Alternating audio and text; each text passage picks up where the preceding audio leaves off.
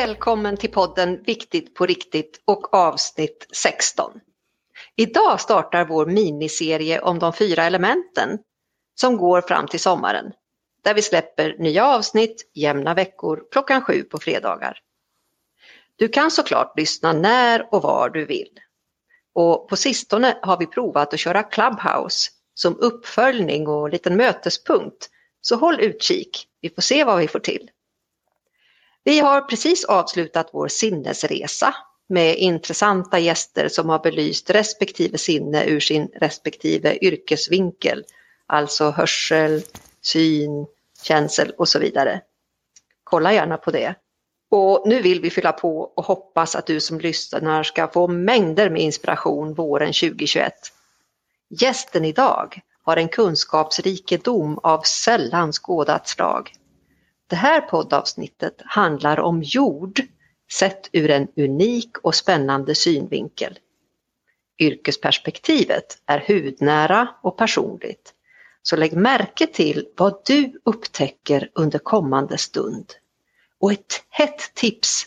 Hämta en fickspegel. Det kan vara kul att ha nära till hands under lyssningen. Och nu är det en ära för mig att få hälsa hej och välkommen till badabam, badabam, badabam, Elisabeth Bövik. Hej Karin! Jag är så glad och det är en stor ära för mig att få vara med i din fantastiska podd som jag lyssnar på faktiskt varje kväll när jag går och lägger mig. Jag är inte så morgontidig.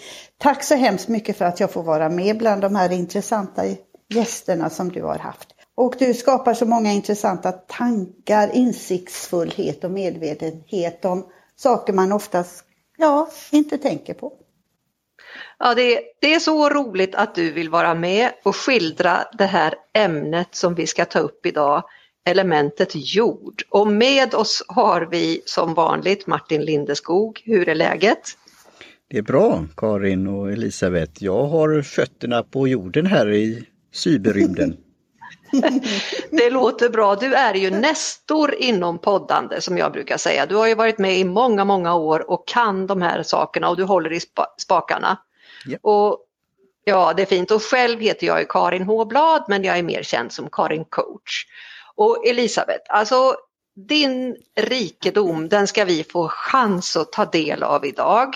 För att du har så otroligt mycket att berätta och varje gång vi pratas vid eller är i kontakt eller jag läser dig på LinkedIn så är det någon ny vinkel som du belyser på något sätt. Så snälla, du kan väl presentera dig själv och vad du arbetar med? Jag, eh, jag är då färg och stilrådgivare sedan drygt 15 år tillbaka och eh, jag eh, hjälper folk att hitta, vad ska vi säga, göra det bästa av just deras fina utsida. För alla människor har någonting vackert som är värt att visa upp. Klä fram brukar jag säga istället för att dölja.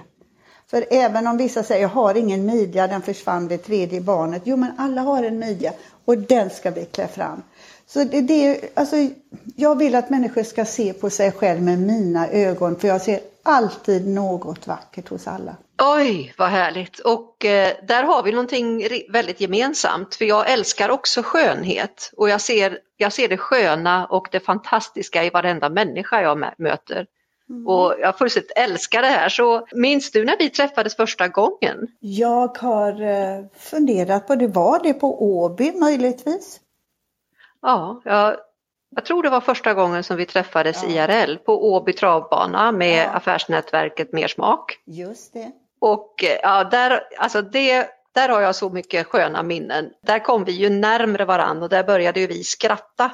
Och eh, ja, jag ska berätta lite mer om det men jag vill släppa in Martin också för du är också med i affärsnätverket Mersmak, eller hur? Ja det stämmer, jag har varit, haft möjligheten att vara med två gånger hittills. På Åby. ja, och oturligt nog så har ju vi två har ju aldrig träffats Martin IRL. Nej, men vi har ju känt på varandra på olika sätt. Senast var det ju då eh, live internationellt, eh, International Podcast Day. Spännande! Så, livesändning. Mm. Så, ja. ja. Men jag ser verkligen fram emot att träffa dig i ja. fysisk form på, här på jorden. Ja, alltså det ska bli ja. jättekul för att vi, mest har ju vi tre hängt och träffats på LinkedIn. Eller hur? Mm, absolut. Mm. Det börjar ju med att vi eh, kom i kontakt Martin via Karina Redenius. Ja. Och eh, när jag skulle ner och eh, berätta om ICF coach-podden i Prag på den här varannan års kongressen som är för ICF Coach Federation, en global kongress och där skulle jag stå på scenen och berätta på engelska om ICF Coach-podden. Det var ju jättekul. Det gjorde jag för ICF Swedens räkning. I, sammanhang, I det sammanhanget så kom jag att, att träffa dig Martin och det är ursprunget till att podden är igång överhuvudtaget. Mm. Så därför denna utläggning. Men för att återgå till dagens ämne jord. Vad mm. betyder jord för dig? Vad, vilka associationer får du till jord? Ja, alltså, Elisabeth? Jag tänker, det jag först tänkte på, det var moder jord. Mm. Som förser oss med så mycket saker, sådana upplevelser som hon skapar. Som man kan titta på, som man kan njuta, som man kan fota och som man kan lägga ut på sociala medier. Och jag tänker också på de resurser som Moder Jord har givit oss och hur vi, om man nu ska vara lite allvarsam, och hur vi också har slösat på Moder Jords resurser. Och det gick ju an förr i tiden, för det har, folk har alltid slösat. Det har varit sådana här överflödsförordningar redan under medeltiden och med jämna mellanrum. För folk har alltid slösat, men då var det mycket mindre folk på jorden. Idag är vi, vad är vi? Hur många är vi på jorden? Miljarder eller miljoner? Jag vet inte. Så hur många är vi förresten? Vet ni det på jorden? Vad säger du Martin? Flera miljarder. Flera ja. miljarder, ja. Och då är ju resurserna ska ju räcka för alla. Och då blir det ju helt plötsligt svårare. Och mm. eh, där kommer ju modebranschen in. Mm. Jag, jag, tänker också på, när du säger jord, så tänker jag på, på hemmet. Mm. Jag tänker på jag tänker att det jorden står, det är någonting man står på. Den står mm. alltså för stabilitet och balans. Fast, den kanske fast vi kanske inte uppskattar den så mycket. Jag vet mm. inte. Vad spännande. Har du något instick där som du vill säga Martin? Ja det är ju det som, jag har ju inte då gröna fingrar men jag gillar ju då chilifrukter så jag har ju då odlat sådana så att stoppa ett frö i jorden och sen då se vad som kommer upp efter några veckor och sen sköta om det på olika sätt och vis och vattna och så plantera om och sen kunna skörda frukterna av arbetet. Det ser jag, mm. tänker jag på jorden. Så alltså farmare, bönder, sådana som brukar jorden och har de här cyklerna på olika sätt och vis. Mm. Jag, det är det jag kopplar till jorden. Och man kan göra mm. det, att man kan ändra sin omgivning, sin natur till ett mm. positivt produktivt eh, sätt. Mm. Ja, Alltså när ni säger era grejer så bara sprutar det till av associationer i min skalle. Och eh, jag tänker på jord som ju ofta, jag, jag, undrar vilken färg tänker ni på när jag säger jord? Brun. Jag tänker på myllan, den kan vara allt ifrån svart faktiskt, ja. till grå, till mm. brun, till rödbrun, till ja. beige, mm. till grön. Mm. Där, har, där, har, vi Elisabeth ett nötskal, vilken hela det här spektrat eller spektrumet eller vad hon nu säger på svenska. Ja. Jag tänkte ju direkt på, vi skojar lite i green room om beige och annat. Ja. Och ofta tänker man på någon kanske huvudfärg men du hade ju direkt nyanserna i det här.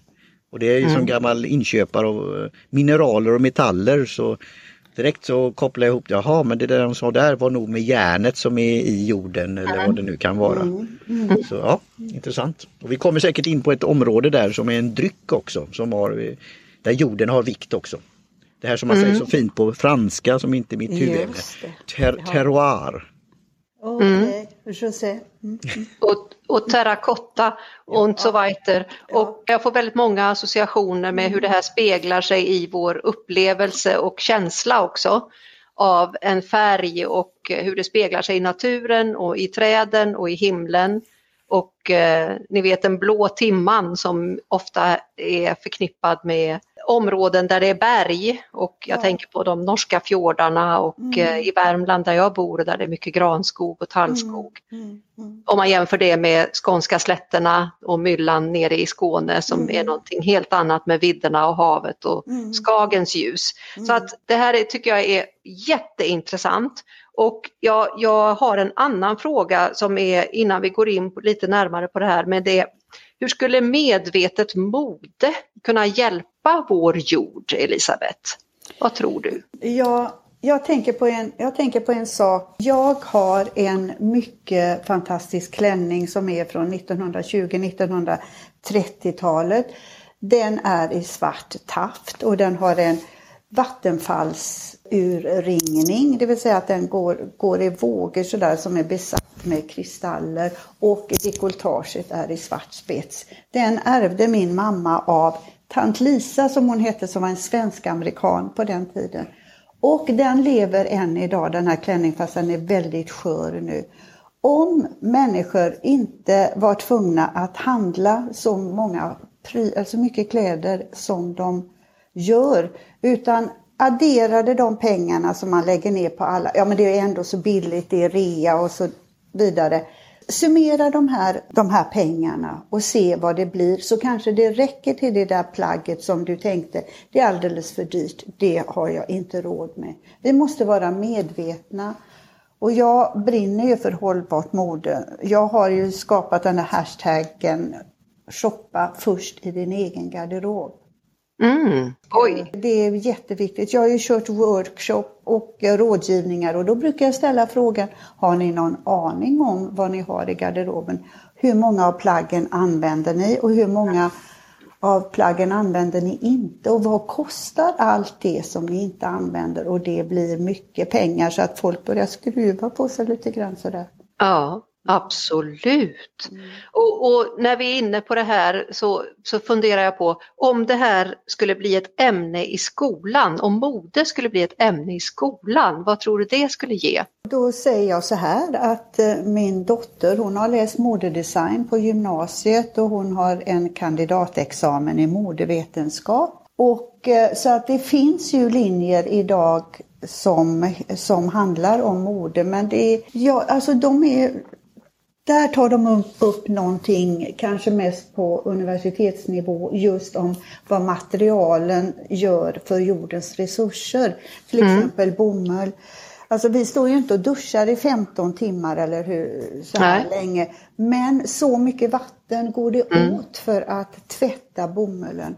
Mm. Och jag tror att för våra förfäder klädde sig i lin och hampa och ull. Jag tror att vi har kommit så långt nu så att vi kanske måste börja, börja odla lin igen. För jag, jag, jag tror att jordens resurser är så illa åtgångna nu så att vi får hejda oss. Oj, ja. Och, och, min tanke när jag tänkte på mode i skolan så tänkte jag på alltså ett ämne när man kanske går på högstadiet. Det här är en mm. vild tanke.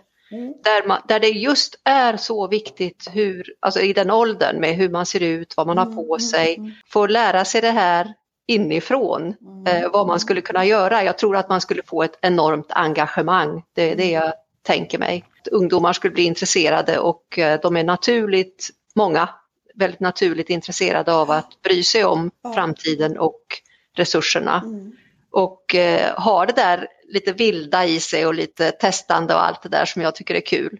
Mm. Att det inte behöver vara så perfekt och så. Och apropå det, mm. så när jag tänker på jord så tänker jag också på, nu ska ni få höra här, nu ja, springer jag iväg, ja. på smuts. Ja. Och, eh, ja, ja, för man blir ju smutsig av jord och jag tänker på din fina Color Me, eh, mm. din fina logga Elisabeth den för mina tankar till ett speciellt tvättmedel och där är det reklamen att allting ska vara kritvitt och det ska vara rent och hej och hå. Och, och, det där har vi ju mer eller mindre medvetet med oss. Så jag, fick ju, jag växte ju upp med det här med att aj, aj, aj, oj, oj, oj inte smutsa ner sig och, och se det för nu och, och så. Det var den tidens melodi, att ja. man skulle inte klägga runt för mycket. Nej, nej, nej. och eh, det tycker jag är bra att det har ändrat sig, att ungar får vara mer i jorden och jag ja. säger det här som du säger Martin, det här med senare tid så har jag verkligen, jag njuter av att få gå loss i trädgården och gräva och, och greja och hålla på och just se hur det växer och oh, jag kan tugga om det här hur länge som helst. Mm. Men eh, jag, jag, tänkte det här med, med en spegel, för du kommer säkert att berätta någonting om det här med spegeln, men innan vi går till spegeln så skulle jag vilja göra en, en liten vetenskaplig blick eller vad vi ska kalla det. Det är Wikipedia och Google som hjälper till. Jag tänkte ha lite innantilläsning ja. när det gäller de fyra elementen. Mm. Och när vi pratade i green room som Martin sa så är ju det här rummet där vi träffas innan vi börjar spela in podden. Det är det som kallas green room. Och där kan vi ju prata och, och skratta och bubbla utan att det spelas in. Men då nämnde ju ni att långt innan de grekiska filosoferna så var det ju i Kina som man började prata om de här sakerna. Men jag läser mitt citat i alla fall så får ni fylla på sen. Är det okej? Okay? Ja. ja, för att eh, filosofer som till exempel Platon och Pythagoras, de, de eh, bottnar i de här tankegångarna. Så här ska ni få höra ett citat från Wikipedia. Under antiken var det dock en mycket logisk föreställning att världsalltet utgjordes av runt fem grundelement. Efter ett tag fanns det på det stora en ganska exakt bild av universum. Berömda grekiska vetenskapsmän utvecklade följande teori. För att till exempel få en sten behövde man torra, sträva och hårda element. Där fick man genom en blandning av bland annat eld och jord. Elementens förhållande till varandra var så genomtänkta att många måste ha funnit dem logiska. Eld stod i starkt förhållande till jord som ju också var utrustad med eldens värme.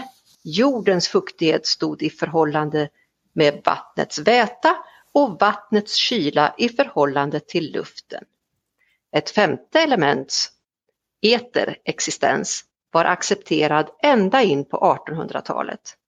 Eten var i många kulturer platsen där andarna tänktes samlas efter kropparnas död och eten var det som omgav jorden jämför med rymden. Senare namn gavs även ett ämne efter det femte elementet eter, en kemikalie som används inom den moderna läkartekniken. Dessa fem element, eter, eld, luft, vatten och jord, skapade tillsammans alltså ett rätt så ingående, en rätt så ingående världsbild.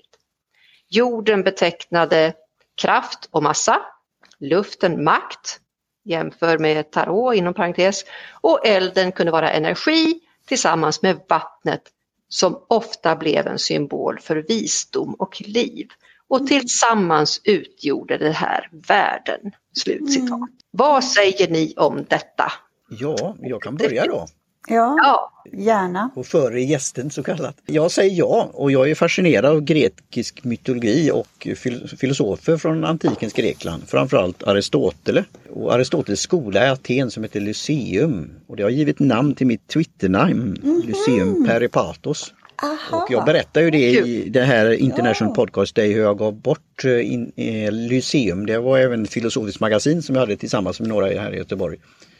Eh, för en i Amerika som heter Zachary Davis i Boston som har Lyceum.fm som har akademiska audioprogram. Mm. Så då la jag till ordet peripatos som är då att man walking around när man går fram upp till Lyceum, skolan då i, i en mm. Lund kan man nästan säga då.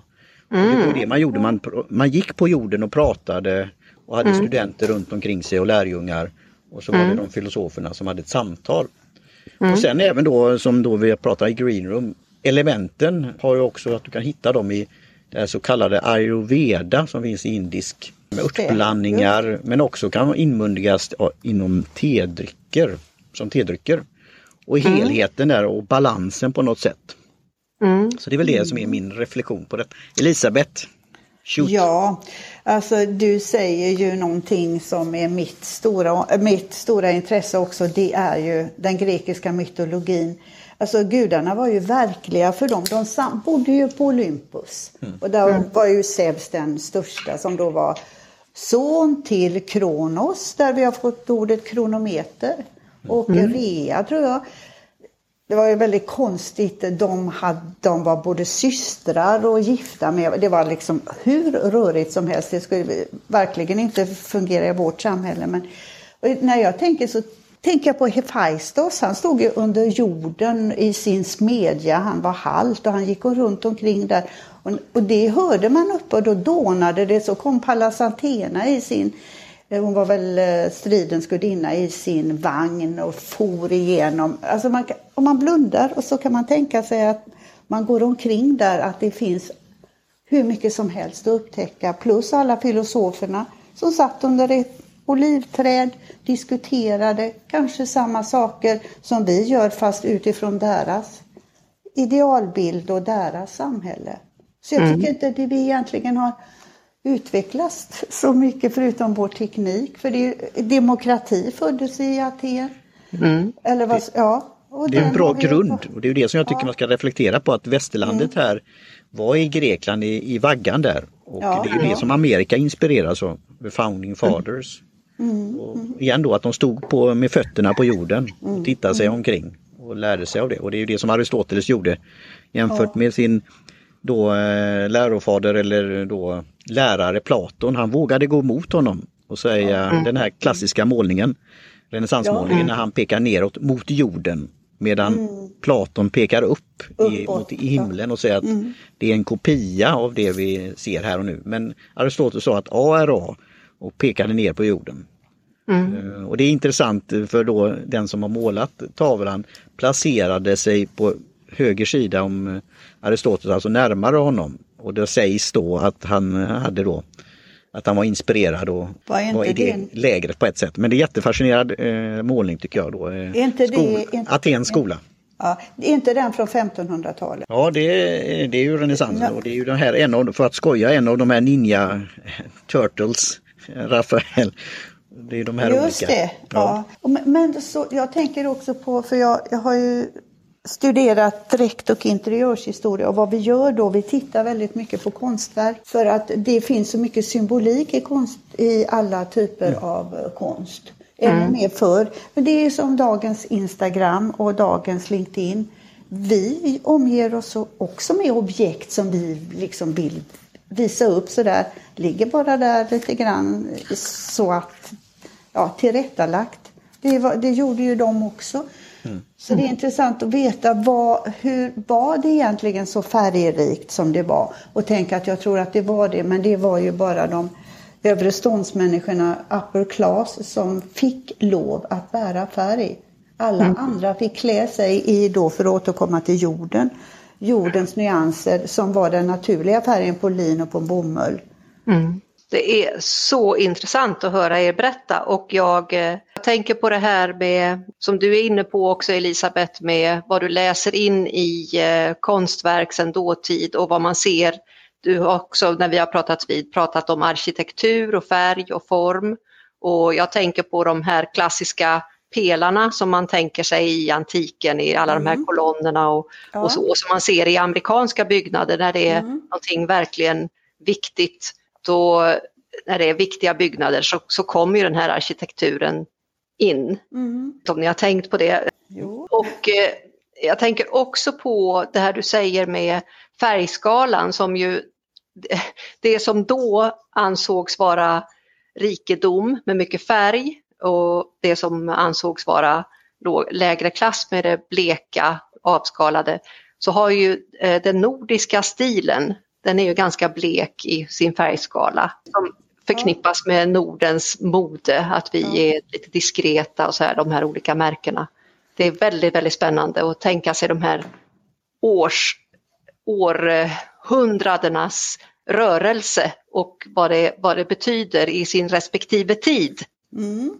Ja, det är sant. Du, jag, just nu så har jag precis avslutat medeltiden och vi kanske tycker att medeltiden var mörk och primitiv.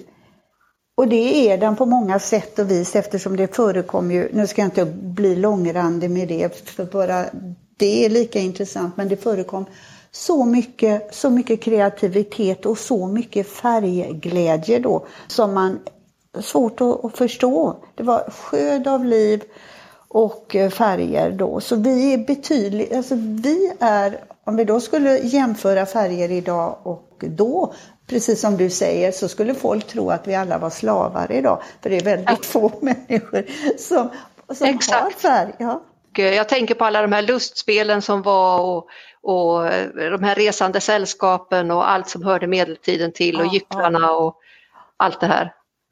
Ja, det, då, då sa man, och sen kom renässansen 1500-talet och det, det, det, hade slösats jättemycket med exklusiva material och färger. Så då var det en adelsman som hette, vars namn jag nu har glömt, eh, som skrev en bok, Adelsmans, Adelsmannens bok, där han då tyckte att den som klädde sig i för mycket färg och prakt, det var en, eh, det var en gycklare. Ja. Så då tog man ner och man... Då, då var det dags att tona ner det hela. Mm, mm. Och wow, jätte, jättespännande. Och får, när du berättar så får jag associationer som jag sa och säkert du också. Och jag hoppas att ni som sitter och lyssnar på Elisabeth och Martin och även mig också får associationer för hur ni tänker runt färger och under tiden som jag berättar det här så skulle jag vilja rekommendera er att gå och hämta en liten fickspegel eller se om ni har en spegel för alldeles strax så tror jag att Elisabeth kommer att ge er lite guidning om hur ni kan tänka. Och innan jag säger det, medan ni går och hämtar spegeln, så vill jag berätta om en association jag får när jag hör det här om gycklarna och det den här adelsmannen sa att när jag var liten så läste mina föräldrar eh, bröderna Grimms sagor för mig. Mm. Eh, enormt mustiga sagor mm. och dessa sagor bottnar ju i sin tur i antiken. Mm. Så att vi har ju en, en kronologi och en, nu tappar jag ordet, men vi har ju en, en tradition som är, går långt ner i, i en vagga av det som vi uppfattar som europeiskt och eh, starten på våra ideal och så här och det är väldigt, väldigt, väldigt intressant. Nu för tiden pratar man om storytelling och så vidare och de här gamla sagorna och de här gamla sakerna, de finns, alltihopa finns i Disney, även om det då är pastellfärgat och amerikanskt. Ja, så att det, det, är mycket, mycket spännande att se de här kopplingarna. Med det sagt så vill jag överlämna ordet till dig Elisabeth och den lilla fickspegeln. Jag har själv en till res. Du, jag, jag vill göra en liten parentes när vi är inne på, på antiken som du sa och USA och eh, kolonner och kolonnader, eh, det är alltså en grupp av pelare. De, de som är räfflade de heter kanellerade. Oh, wow. men, men i alla fall, varf, vi har ju Vita huset. Ja, till exempel. Ja. Man, det sägs jag vet inte om det är sant eller ej, att när man, när man vid utgrävningarna efter vid Pompejus och Herculanum så hittade man ju väldigt mycket, mycket saker ifrån antiken, från grekiska eh, antiken och bysantinska riket och italienska riket. Och de var ju så färglösa, därför har man i lång tid förena, eh, tyckt att antiken var vit och färglös, vilket den inte var. Och mm. det, det sägs att det är inte säkert att Vita huset hade blivit vitt om det inte var därför. För det är ju väldigt ett, ett klassificerat formspråk på Vita huset och vi har ju också många sådana hus i Göteborg, sek, sekelskifteshus och 1800-talshus mm.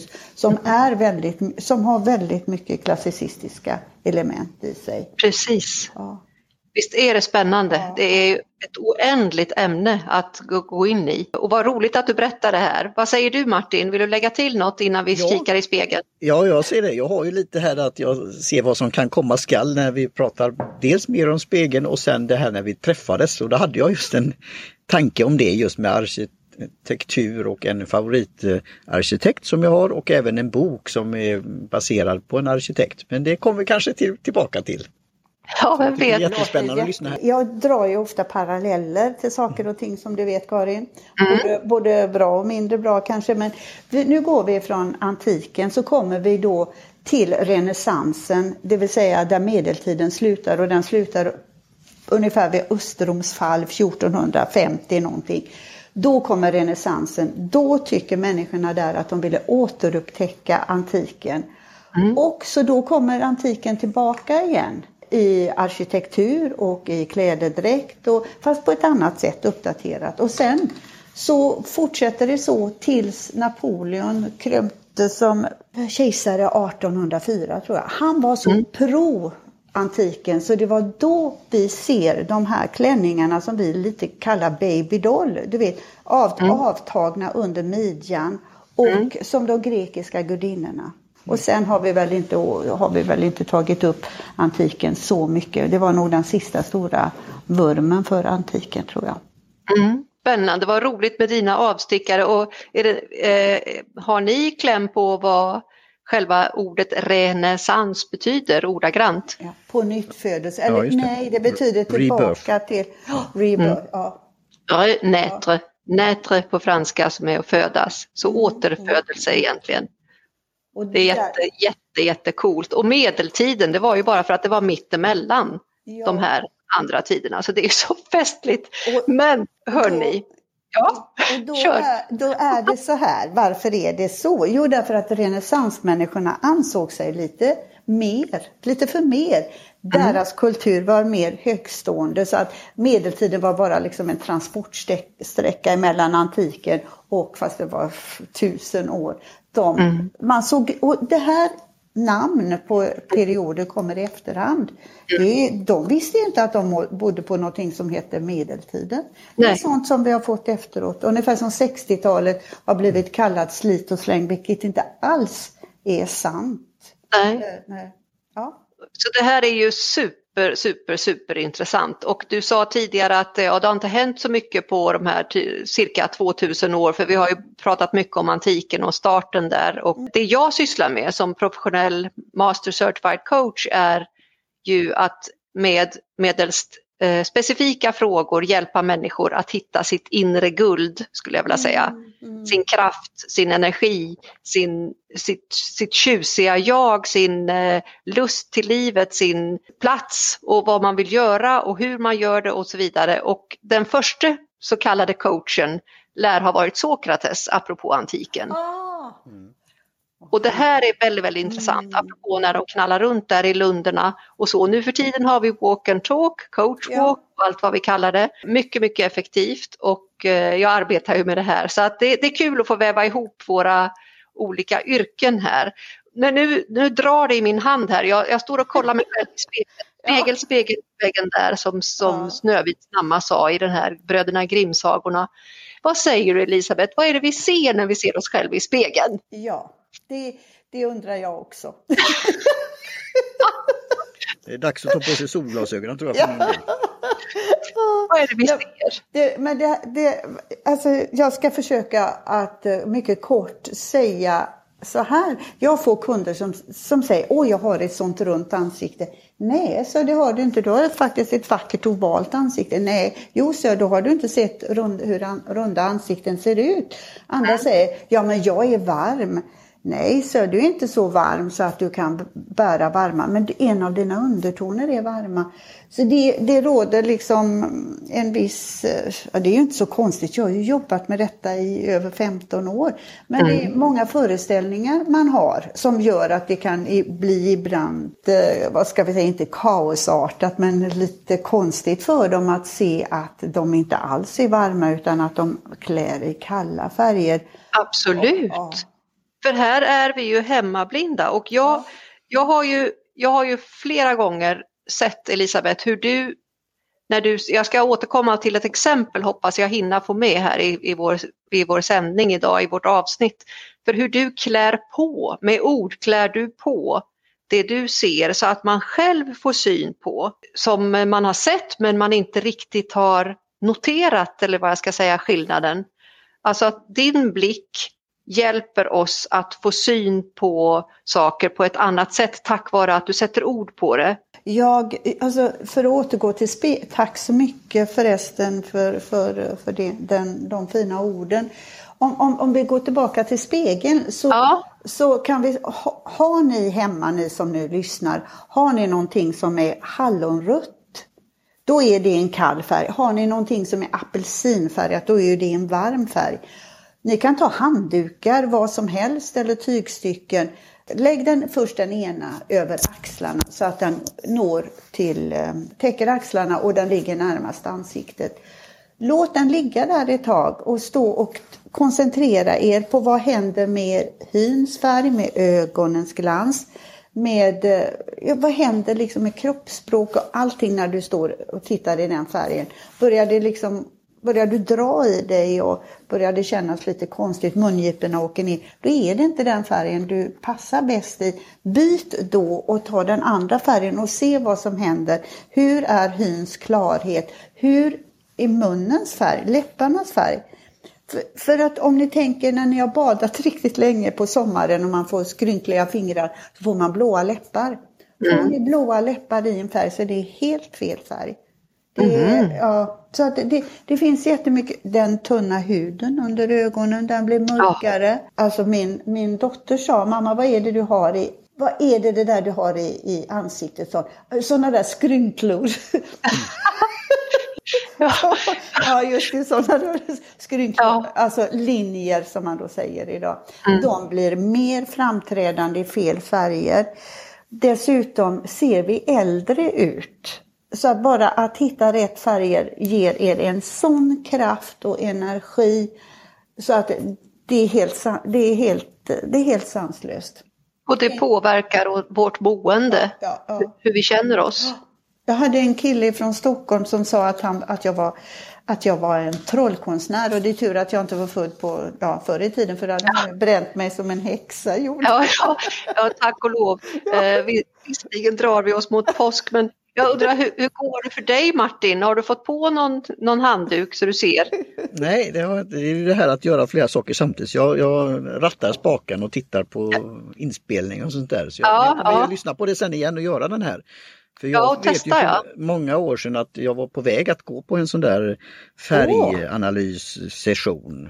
Ja, och jag brukar ju säga att jag är ständigt inne och ute så jag, jag har ju valt de här färgerna som grått, blått och svart och det har lite allt från musik, gammal musik, alltså syntstilen till annat. Ja. Eh, men jag har ju mm. ofta haft färgglada saker på mig också för att mm. sticka ut, bland annat i mingel mm. när jag hade en, på tal om nu när i dessa tider, en kycklinggul mm. mjuk skön eh, cardigan. Och alla mm. andra män var ju då i kritstraxrändigt eller, eller svart eller grått ja. kostym. Just det. Och då tog ju fotografen där för arrangemanget en bild tillsammans bredvid en väldigt färgglad eh, kvinna där. För hon hade valt någon jättefin dress och också stack ut på sitt sätt då. Så det var mm. lite kul. De gjorde ett sånt collage kan man väl säga. Men jag vill definitivt göra det. Eh, för jag tänkte mm. en fråga Välkommen. Nu när vi pratar i ljud här, men annars när vi mm. gjorde livesändning International Podcast Day så är det ja, men hur ser jag ut? Hur ser jag ut i kameran? Hur, var tittar mm. jag någonstans? Mm. Och där har ni ju en partner då, Karina Redenius, alltså hur för mm. man sig på scen? Ja. Eh, eller vid ett möte och sånt där. Behöver mm. jag något speciellt ljus när jag ska titta på de ja. här, om jag är mer som en apelsin eller mer som ja, ett, vad sa det, hallon? Jo, det behöver man. Det Alltså jag har ju rest land och rike runt med 12 kilo.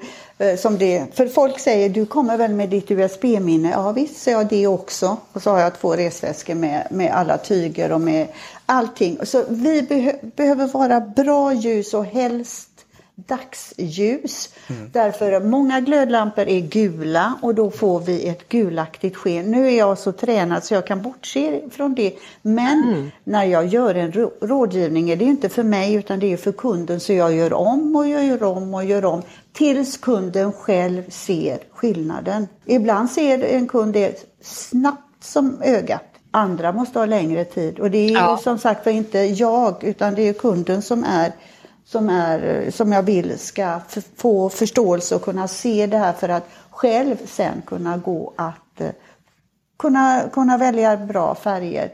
Och, mm. och sen så har vi ju blåa ljus, så att dagsljuslampor, vilket jag tycker att de samtliga butiker borde ha i sina provrum. För det ser mm. förfärligt ut ibland. Ett plagg som du provar där kommer du hem och får en helt annan färg. Mm. Och apropå det här med färger och vårt huvudämne idag med element och jorden. Så de här vackra färgerna, jag ser framför mig toppade fina krukor i när jag varit i till exempel i Egypten där de här blåa, indigo, alla de här färgerna ligger. Hur, hur framställdes de förr och hur framställs det nu ur jorden? Jag tänker på vad, hur de kom till ursprungligen. Elisabeth? Ja, ja då, då, tänker jag ju på purpurfärgerna då och det var ju, det var ju purpursnäckan som fiskare dök ner och hämtade upp det här så det var ju väldigt lite färgsubstans. Så det, det var ju väldigt många, mycket de fick samla för att kunna färga tyg. Vilket då gjorde att de här färgerna var klassmarkörer plus att de är bättre ljusbeständiga. Det hör också in i, in i bilden. Så på så sätt, så det som det finns mycket av, ungefär som gult eh, som Martin sa, krokus, mm. det finns ju jättemycket av krokus, alltså blev de mindre kostsamma att tillverka, alltså var de mer för alla människor. Mm. Under medeltiden, eh, jag tror det var 1300-talet, så var priset på indigoblått lika dyrt som priset för guld. Mm. För att eh, det var så svårt att framställa. Mm. Och där, där har jag ju en, en favorit bland färger och det är just eh, guld och indigoblått och det finns ju på de här förpackningarna som är till Skogen Cosmetics och David ja, Johansson just, just har ju varit det. med i podden förut mm. och mm. jag verkligen får så mycket inspiration. De här Burkarna har jag med mig på segelbåten och i skogen och precis överallt. Så jag vill bara passa på att säga det och eh, tänker samtidigt på färgen gult och om vi tänker på jorden och ner på marken igen så mm. går vi mot vår nu när vi mm. spelar in podden. Mm. Och eh, det, jag vet inte om ni har tänkt på det att de första blommorna ganska länge så är det mycket gult. Mm. Och sen kommer färgprakten över sommaren och sen när vi går mot höst igen så är det mycket gult i, av de blommorna som är kvar. Jag vet inte om ni har tänkt på det. Fast det, det mer, kommer Fast det är mer mättat gult på hösten. På mm. våren är det det där krispigt gula. Ja. Och för gult är en kommunikativ färg. Bär man ja. gult så, stick, så, så är man eh, kommunikativ, alltså man syns. Gult ja. gör att man kan få bättre fokus. Och ska du lära dig någonting och du har svårt, stryk under med gult på pappret. Yes eller använt ett gult papper så, så känns det bättre. Men too much av allting kan skapa någonting annat. Så är det med alla färger. De har plus och minusfärger. Sida, ja. Sidor, ja. ja. Mm. Och om du visste vad mycket, mycket gult jag har strukit under Elisabeth. Oj, oj, oj, oj, oj, i alla böcker jag har plöjt. Men hörni, jag tänker också på att eh, om inte ni har någonting mer just nu att säga så skulle jag vilja berätta om en, en sjö, ett skönt minne där Elisabeth verkligen visade mig på sin expertis. Får jag, får jag dela det med er? Ja. Gärna. Ja, det var som sagt vi har ju inte träffats än Martin, men på eh, affärsnätverket Mersmak. Men när vi var på Åby travbana så, så bjöds vi på en helt otrolig rundvandring av Kent Hjellmund. Det var nyrenoverat och fint och vi gick där med tappad haka, i alla fall jag, den följer ner i backen för att det var så mycket. Och Elisabeth såg ju också, oj, och, och, så såg jag att ja, vi gick bredvid varann och vi liksom klev runt i hela anläggningen där. Och så plötsligt så se, såg jag Elisabeth försvinna in mellan stolar och in under och klick sa det och så tog hon kort där och så var och kröp hon på något annat ställe, klick sa det och, så, och jag såg att det var några fina krukor och ja, det var tjusigt och ja, och så. Och sen när hon hade gjort en sammanställning av dessa bilder och började skriva vad det var hon faktiskt hade sett. Plötsligt så såg även jag det. Men jag, det känns som att jag behöver hundra glasögon för att se allt det som Elisabeth ser. För hon beskrev mötet mellan, kontrasten och mötet mellan olika material, vad det gör för intrycket, kontrasterna och mötet mellan färger, former. Ja, jag blev alltså, ja, ah, det var hon Och här är en sån där direkt eh, koppling till en expertis, vad det, mm. vad det hjälper. Och det är det här som sker också i mötet med Elisabeth när hon kan tala om för en hur man är klädd. Och jag kan ju också ge ett exempel på när jag och en kollega träffade henne och vi båda var så oj, oj, nu får vi skärpa till oss här. Hjälpduger jag? Är det okej okay här? Nu får vi rätta till. Oh, oh, jag ska träffa Elisabeth. Hur ska detta gå? Så börjar hon berätta hur jag egentligen är klädd och jag bara, oh, what? Eh, jag blir väldigt överraskad över hennes eh, ord i vad hon ser hur jag har klätt mig alldeles spontant. Och det för min, som tur var för mig så var det åt det, det positiva hållet så att jag, jag kände mig, jaha, är det så jag klär mig? Vad kul! Mm, jag minns, Känner du igen det, Elisabeth? Jag minns, jag minns det precis för att jag, jag, jag ser, alltså vi, vi kan tillhöra sex basstilar så att säga men sällan tillhör vi en, alla sex. För det är då vi har en stor garderob men ändå ingenting att ta på oss. Men oftast balanserar vi mellan ett till tre. Och jag såg så tydligt att du har en klassisk eh, internationell touch. Samtidigt som du har eh, mycket kreativitet i din klädsel. Du är inte rädd för att använda mönster, vilket till exempel den rent klassiska kvinnan eller mannen vill inte det. Och sen ha, försöker du sätta in lite romantiska. Ja, och när du, allt det här när du sa det så var det klick, ja just det, det känner jag igen. Och eh, för mig, nu ska vi inte babbla en massa om mig här, men för mig är det liksom en en ära och en fröjd att få klä sig inför dagen och jag mm. klär mig efter årstid och eh, lust och humör och färger. Mm. Och jag brukar kalla, att jag kallar mig själv för en vandrande second hand för att jag, jag har verkligen eh, lätt att hänga på mig en storlek som är lätt att bära och jag mm. tycker det är jättekul. Så det här är ju, nu kommer vi långt ifrån ämnet, men däremot så, så skulle jag vilja föra, föra in dig Martin, vad är, det vi, vad är det vi ska göra nu ganska snart här framöver, du och jag, Elisabeth och Karina Redenius? Ja just det, det blir som en, blir en wow-känsla. Ja! Mm. Och vad är det Elisabeth? Ja, wow. Ja, för det första är det väl wow att träffa oss. Ja.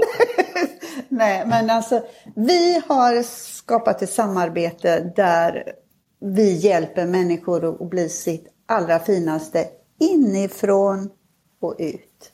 Mm. Det innebär ju att de kommer till dig och, och det, kan, det har ju du berättat om och det kan du berätta så mycket bättre än jag. Karina mm. som är före detta operasångerska hon kan ju verkligen få oss att känna oss bekväma och äga scenen, få budskapet att fästa genom röst och kroppsspråk. Och så kommer då jag som hänger på er kläder som också ska ge er styrka. Det är det jag tycker med digitala möten, att man struntar i vad man har under. Därför att ner till, efter man inte syns, då tappar man kraften i kläderna. Kläderna har ett språk, det är visserligen tyst, men det är oerhört kraftfullt. Mm.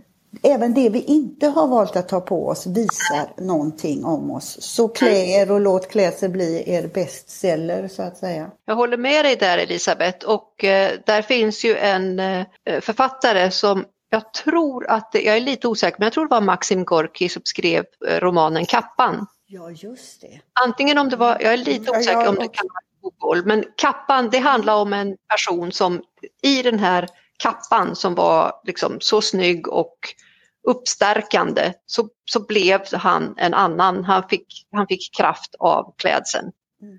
Och eh, Fröding har också skrivit ja. ett otroligt poem om det här när han inte var rättklädd och hur han då kände sig. Det finns mm. många sköna anekdoter att dra där. Men Martin, det vi ska ge dig det blir ju Wonderful Outstanding Winner. Det ska du få testa. Wow. Och mötet med mig så kommer du att få, få en eh, coaching som vi designar precis så som du vill ha det. Och sen kommer du alltså få träffa Karina när det gäller att inta scenen och så Elisabeth med hur du ska klä dig för att allt det här ska matcha hela vägen inifrån och ut. Det är det som är konceptet. Mm, jättebra. Hinner, hinner vi med en liten parentes om klädernas kraft? Ja, gärna. Det, det, är, alltså det, det låter ju kanske flummigt men man har gjort jättemycket undersökningar om just klädsel och naturligtvis i USA. Där man bad en grupp studenter som skulle skriva en tenta att de skulle ta på sig det som de tyckte var formellt, det vill säga lite uppklätt, medan de andra skulle komma som, som, som de gjorde. Det visade sig att samtliga som hade klätt sig enligt det som de tyckte var formellt fick bättre resultat. Även att deras formella klädsel inte är det som vi anser för formellt ändå. Så alltså man skärper till sig lite ja. grann när man har klätt upp sig. Man ja. andas lättare, då blir man mindre nervös. Man sträcker på sig när man har fått på sig lite mer strukturerade kläder.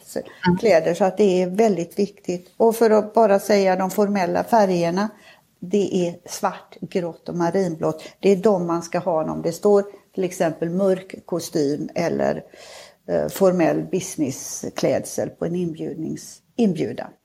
Oj, vad bra att få veta att du, är, du har så mycket att berätta Oj, oj, oj, oj, oj. Så tänk en annan rolig grej som jag vill hinna säga. Det var ju faktiskt när vi tre möttes digitalt hos den fantastiska pysselkvinnan i, ja. hennes, i ja. hennes hjärnsläpp som hon och jag kör tillsammans. Hjärnsläpp med Karin och Susanne. Det har ju varit en höjdpunkt varje vecka under den här våren. Och eh, Pysselkvinnan är Susanne Johansson som driver sitt eh, företag som handlar om eh, miljösmart pyssel av återvunnet material. Hon skriver ihop, vad ska man säga, ett recept för en instruktion, gör så här och detta postar hon i postlådan så man får det här några dagar innan, läsa till och så skickar hon med då mm. till exempel kladdfri lera, clay, som är jättehärlig att jobba ja, med. Underbar. Och så är det då korkar, det kan vara vinkorkar eller champagnekorkar från Karin som hon har skickat till Susanne. och så lite piprensare och av detta blir det då en figur. Och jag har ju närmare en smärre, jag har en hel guldbricka här med min egen lilla Noaks ark med alla figurer som det har blivit och det är tiger och panter och katt och you name it. Och du Martin, vad, vad var du med och gjorde? Ja, vad ja, gjorde det blev eh, ler-Leo, en le leopard. Eh, när oh, den får prickarna i framtiden. Leo. Då.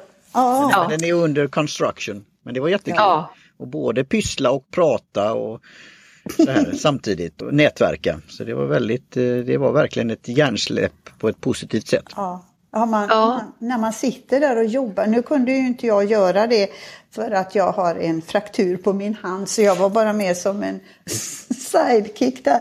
Så, men det är fantastiskt meditativt att pyssla med händerna.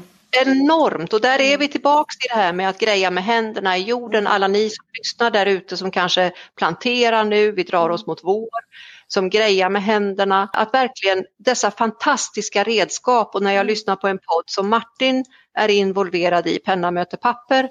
så var det en man där som sa på engelska eller tyska, vilket det nu var, från Berlin som sa att våra fingertoppar deserves something more mm. än att bara trycka på tangenter. Alltså de är designade för mer fingertippgefühl för att göra någonting finare. Det är ett enormt instrument vi har i våra händer så de ska vi vara riktigt rädda om. Och mm. du Elisabeth som nu har haft oturen att få en skada känner ju verkligen, vet vad det innebär när man inte har sin hand till res, vad det innebär. Absolut, man är väldigt sårbar, man tänker inte på det förrän någonting Nej. händer. Nej. Det jag skulle säga var när eh, pysselkvinnan till exempel hjälpte oss med hur ska vi få till den här eh, tigerkroppen till exempel, vi gjorde en tiger.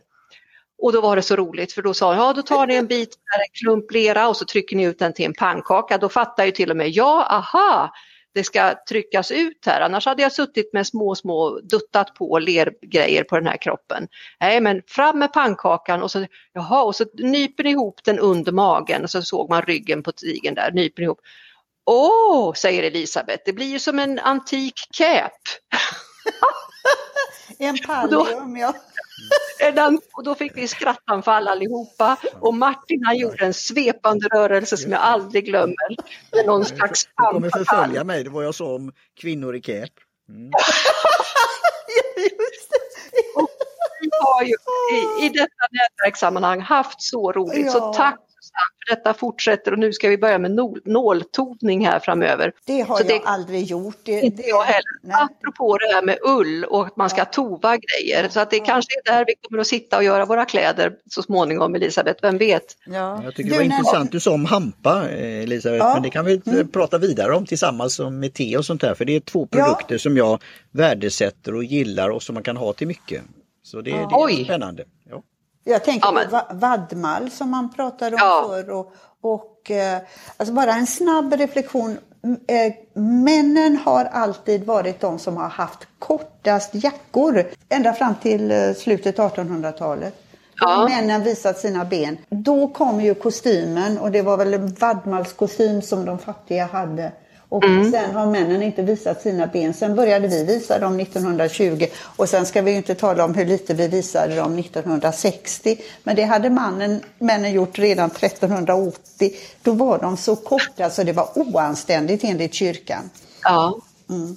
och hörni, mm. Ja, det är fantastiskt detta, alltså med hur modet åker upp och ner. Mm. Och runt, det går runt. Mm. Ja. ja.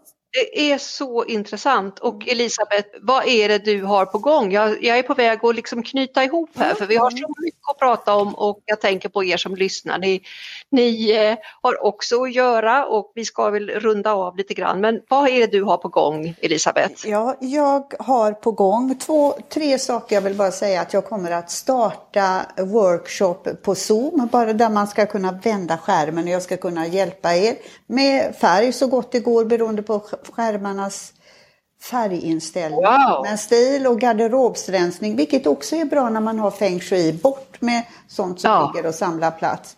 Och få in nytt och fräscht och städa undan och så. Sedan ska jag också köra vårens trender, ska jag köra på Zoom också. Eh, och sedan så håller jag ju på sedan ett halvår tillbaka och skriver på en bok som handlar ja. om trender. Jag ser en trend idag och jag såg en trend och undrar vad, när så, vad har detta varit tidigt? Är det modemåsten?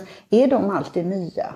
Och så började jag fundera på det. Och det har jag funderat på i flera månader och det har nu blivit kanske ett 60-70-tal A4-sidor som jag då måste skriva ner till, till ett behändigt format. Och det är väldigt spännande att se att extensions idag ja. fanns 2000 år före Kristus. Ja. Och, så och vad, är det, vad är det Martin, vet du det? Extensions. Har det något med hår att göra eller? Ja, långa. Mm. Att de som inte har långt hår kan då, det är väl, nu tappar jag namnet på dem. Ja, de är ju jättestora. Rapunzel heter de. Mm. Så, ja, visst. Ja, mm. Det är inget nytt. Och Nej. det är så mycket parallellt, det är så mycket, det är det jag håller på och undersöker och försöker få till ett behändigt format. Fantastiskt. Ida Backlund träffade jag i Stockholm på en eh, företagargala ja. med, när hon hyllades och man hade just ja. extensions och Petra Mede stod på scenen med extensions. Jag tyckte oj vad långt hår hon har fått. Ja, det... Ja, det är väldigt, väldigt intressant. Det hänger på håret. Men hörni, ja, men hörni eh, Martin, det här med show notes, hur fungerar det nu då? Vad, ja, kan det är ju som det? minnesanteckningar. Så jag, mm. redan då jag kommer redigera det här och lyssna, då skriver jag ner för hand med en penna, en blyertspenna relevanta mm. referenser till det här avsnittet när jag sitter då som sagt och redigerar och gör efterproduktionen av det mm. inspelade mm. samtalet. Och det kommer resultera i olika hyperlänkar som man säger som går till oh. webbplatser, bloggposter, artiklar, oh. produkter, tjänster och så vidare. Mm. Och lyssnarna kan ju då hämta show notes i poddradiospelaren på mobilen eller om man går in på webbplatsen och tittar där. Eh, mm. För Viktigt på riktigt hos ljudhotellet Captivate i mm. cyberrymden och det är ju då viktigt bindestreck p bindestreck riktigt.captivate.fm. Så det, mm. där kan man hitta den och då är det show notes och read more så hittar man alla de här länkarna som det kommer bli och jag gissar att det kommer bli en hel del detta avsnittet. Ja. Ja. Så det är anteckningar för avsnittet. Kort och så. Ja. Kort. Så hörni, eh, innan vi avrundar och jag kör min eh, travesti på spanarna på Hill Street och sådär, vad, vad, tar, vad tar ni med er från det här från det här? Ska vi fråga gästen först? Vad tar du med dig från det här samtalet? Först och främst så tar jag med mig eh, din enorma kunskap och fingerkänslighet för, för så mycket och ditt intresse för det jag jobbar med. Martins enormt fantastiska tål, tålamod som du hade innan vi fick det här att fungera på grund av att det var första gången för mig. Trevligt, gemytligt, härlig stämning, skön energi och jag är jättetacksam över att jag fick lov att vara med.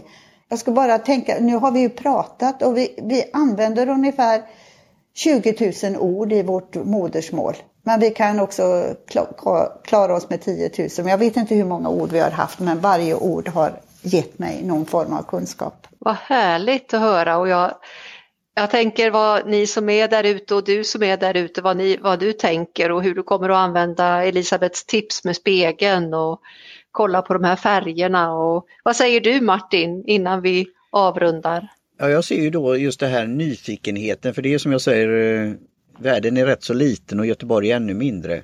Och när ni gick runt där med Kent, det är en gammal klasskamrat till mig på ah, Djurgården, okay. småföretagarutbildningen. Och där när du gick runt och tittade, vi hade ett företag tillsammans, klasskamrat som hette Curio, alltså Curiosity. Ja, jag kan riktigt se hur nyfiken du var mm. Elisabeth när du tittade ja. och fick en helhet av det hela. Så det var därför jag tänkte nämna det här om arkitekten Frank Lloyd Wright Mm. Och min favoritbok The Fountainhead som handlade av en arkitekt som heter Howard Rourke. Men det tar vi nog tillsammans när vi träffas på ett afternoon tea tror jag. När vi har ja. god tid på oss.